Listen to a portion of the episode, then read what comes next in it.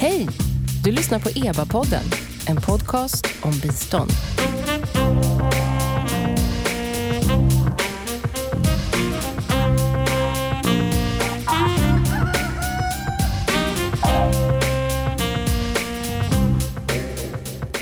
Välkomna till EBA-podden. Jag heter Nina Solomin. EBA står för Expertgruppen för biståndsanalys.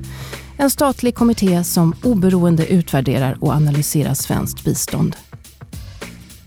I regeringens utrikesdeklaration tidigare i år så slogs det fast att Sveriges mål med biståndspolitiken är att minska fattigdomen och att ett väldigt viktigt fokusområde som lyftes fram var demokrati och mänskliga rättigheter. Det här är inte nytt, så har det varit även tidigare i svensk biståndspolitik. Men Eh, den nya biståndsministern Peter Eriksson har kanske betonat det ännu mer eh, än tidigare. Att just demokratiutveckling är superviktig prioritering för svenskt utvecklingssamarbete. Men då kan man ju fråga sig, vad är demokratibistånd egentligen? Om man försöker bli mer konkret och på vilket sätt så är det kopplat till målet med att minska fattigdomen? Och hur mäter man egentligen resultatet av demokratibistånd. Nu säger jag välkommen till Fredrik Uggla, professor i Latinamerikastudier vid Stockholms universitet och ledamot av expertgruppen för biståndsanalys. Du har eh, både forskat om demokratisering och så har du också arbetat utomlands ett par år med demokrati och mänskliga rättigheter. Var då någonstans? Jag jobbade tre år i Bolivia för Sida på sektionen för utvecklingssamarbete som då hette La Paz och sedan tre år i Kairo där jag var ansvarig för programmet för demokrati och mänskliga rättigheter mellan 2010 och 2012, alltså under den arabiska våren. Bredvid Fredrik sitter Helena Bjuremalm, biträdande enhetschef för demokratienheten på Sida. Välkommen. Tack så mycket. Du har också arbetat med demokratiutveckling en hel del. Eh, jag har bland annat jobbat i Kenya som regional rådgivare för demokrati och mänskliga rättigheter eh, i Östafrika Afrikas horn. Så jag har framförallt jobbat med mina kollegor då, som jobbade på ambassaderna. Eh, men så har jag också jobbat på Sida här i Stockholm och på IDEA som är ett internationellt demokratiinstitut.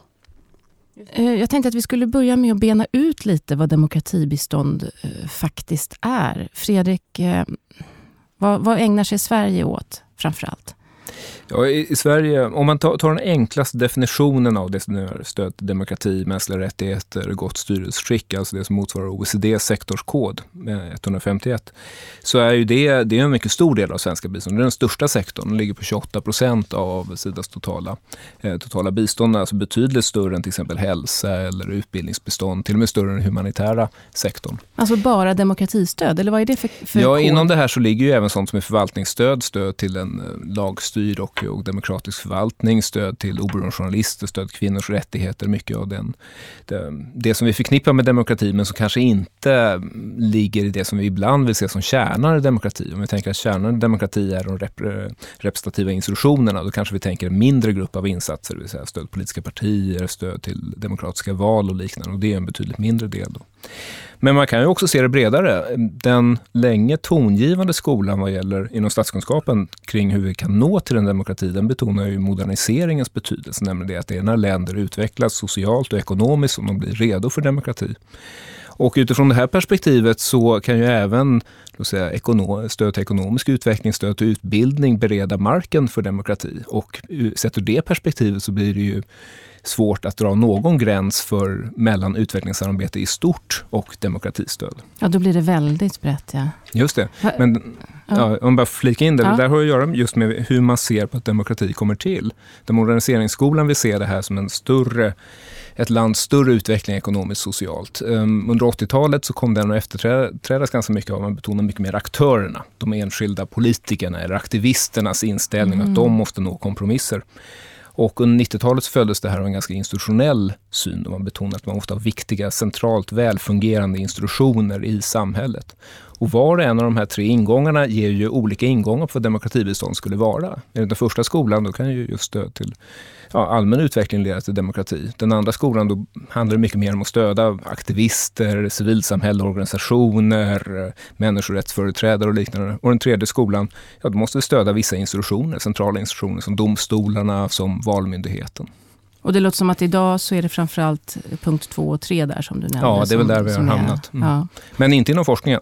Forskningen betonar nog alla tre delarna i ungefär lika stor utsträckning. Ja. Däremot så har de som nu talar om demokratibestånd inifrån utvecklingssamarbetets perspektiv nog mer, kommer mer betona aktörerna och institutionernas betydelse.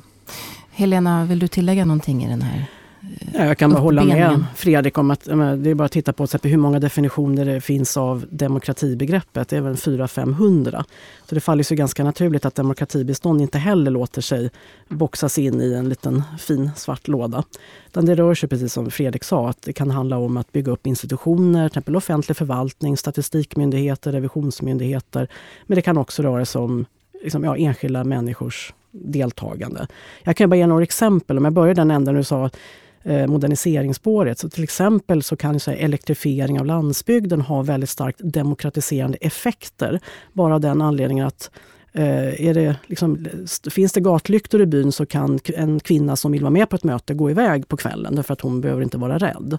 Man Eller kan man kan ladda mobilen. Man kan ladda mobilen, du kan eh, surfa, skaffa information inför det mötet du ska gå på och våga göra liksom ett inlägg och, och liksom göra din röst hörd.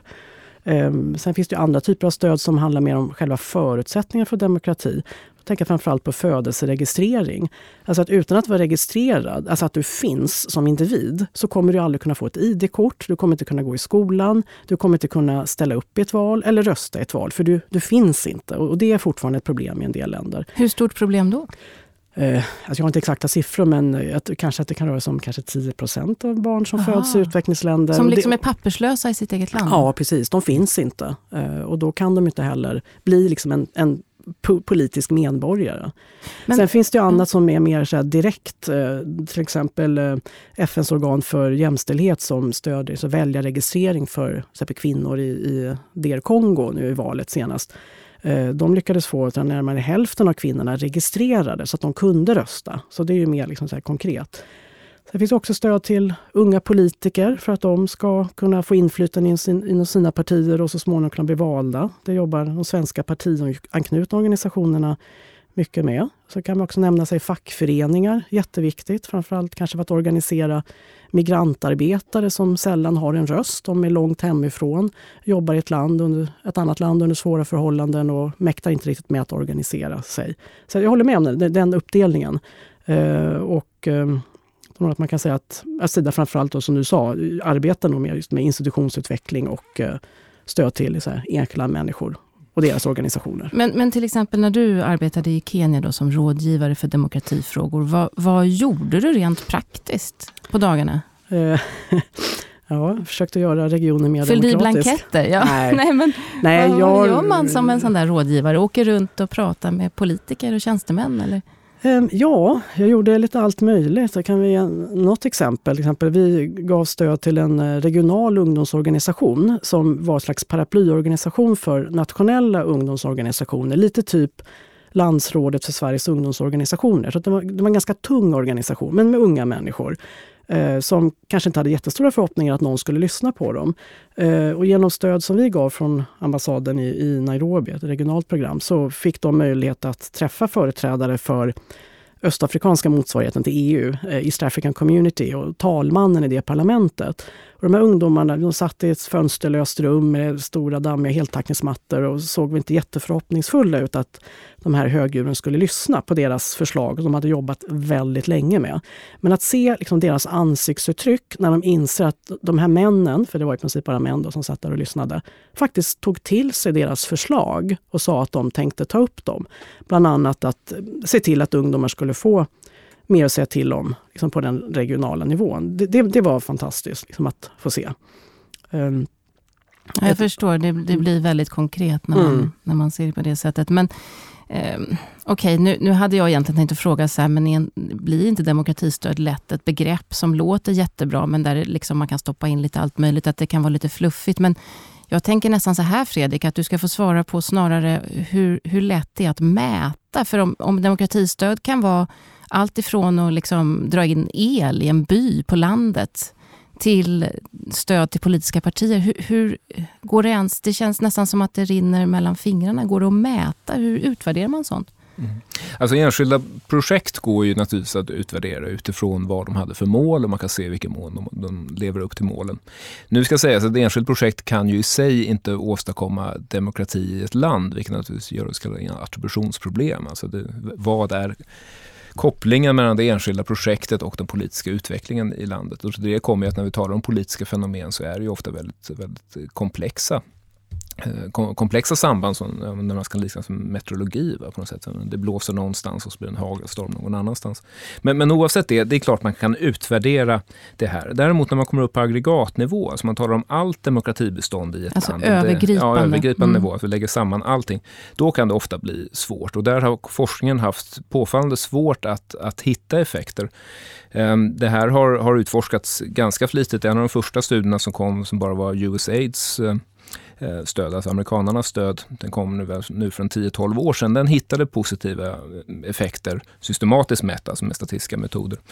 Senare studier som dock tenderar att slå ihop alla biståndsgivare eh, har inte funnit de här effekterna. Forskning bland annat av Agnes Cornell vid Göteborgs universitet har funnit att det bara är vissa eh, vissa sammanhang som demokratibeståndet verkar ha en, eh, en effekt och det är framförallt i enpartistater. De lyckas få enpartistater att bli något bättre men inte att bli demokratiska. Så det är alltså en mycket mm. begränsad mm. effekt. Men, Genom att till exempel stötta ett eh, riksrevisionsverk? Ja, just absolut. Sånt, man, kan, liksom. man kan säga Sverige stöttar ju för länge sedan till exempel parlamentet i Vietnam va? och det har inte gjort Vietnam mindre enpartidiktatoriskt, men möjligtvis någon mer responsiv enpartistat. Alltså. Men det är fortfarande diktatur.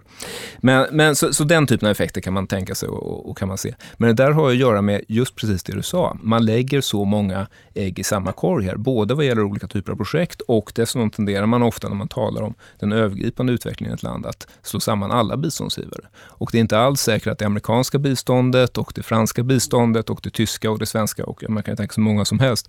Väldigt många av de där har ju egna intressen och egna definitioner av vad som är viktigt politiskt att uppnå i landet. Därför så är det ganska hopplöst att tänka sig att de här ska samverka mot ett politiskt utfall som man kan mäta uppfyllelsen av. Kan jag lägga till där att, att demokratibistånd, om vi pratar om det som är kärnan i demokratibistånd, alltså då inte elektrifiering utan kanske stöd till politiska partier, parlament, eh, fria och oberoende medier och så vidare. Det handlar ju väldigt mycket om att eh, ändra kunskaper, attityder, beteenden. I och med att det liksom handlar om hur människor uppträder så är det väldigt svårt att liksom isolera vad exakt gjorde att den där människan sa så i det läget i parlamentet och inte på det där gamla vanliga sättet. Det är svårt för oss att säga att yes, det var tack vare någonting som Sida bidrog till. Um, men sen tycker jag också man ska vända på det och säga att man får vara ödmjuk i, när man säger liksom, vad det här är ett resultat. I en väldigt svår politisk miljö så kan det vara ett fantastiskt resultat att det överhuvudtaget finns ett oppositionsparti i en kommun av 200. Även om ingen röstar på det än.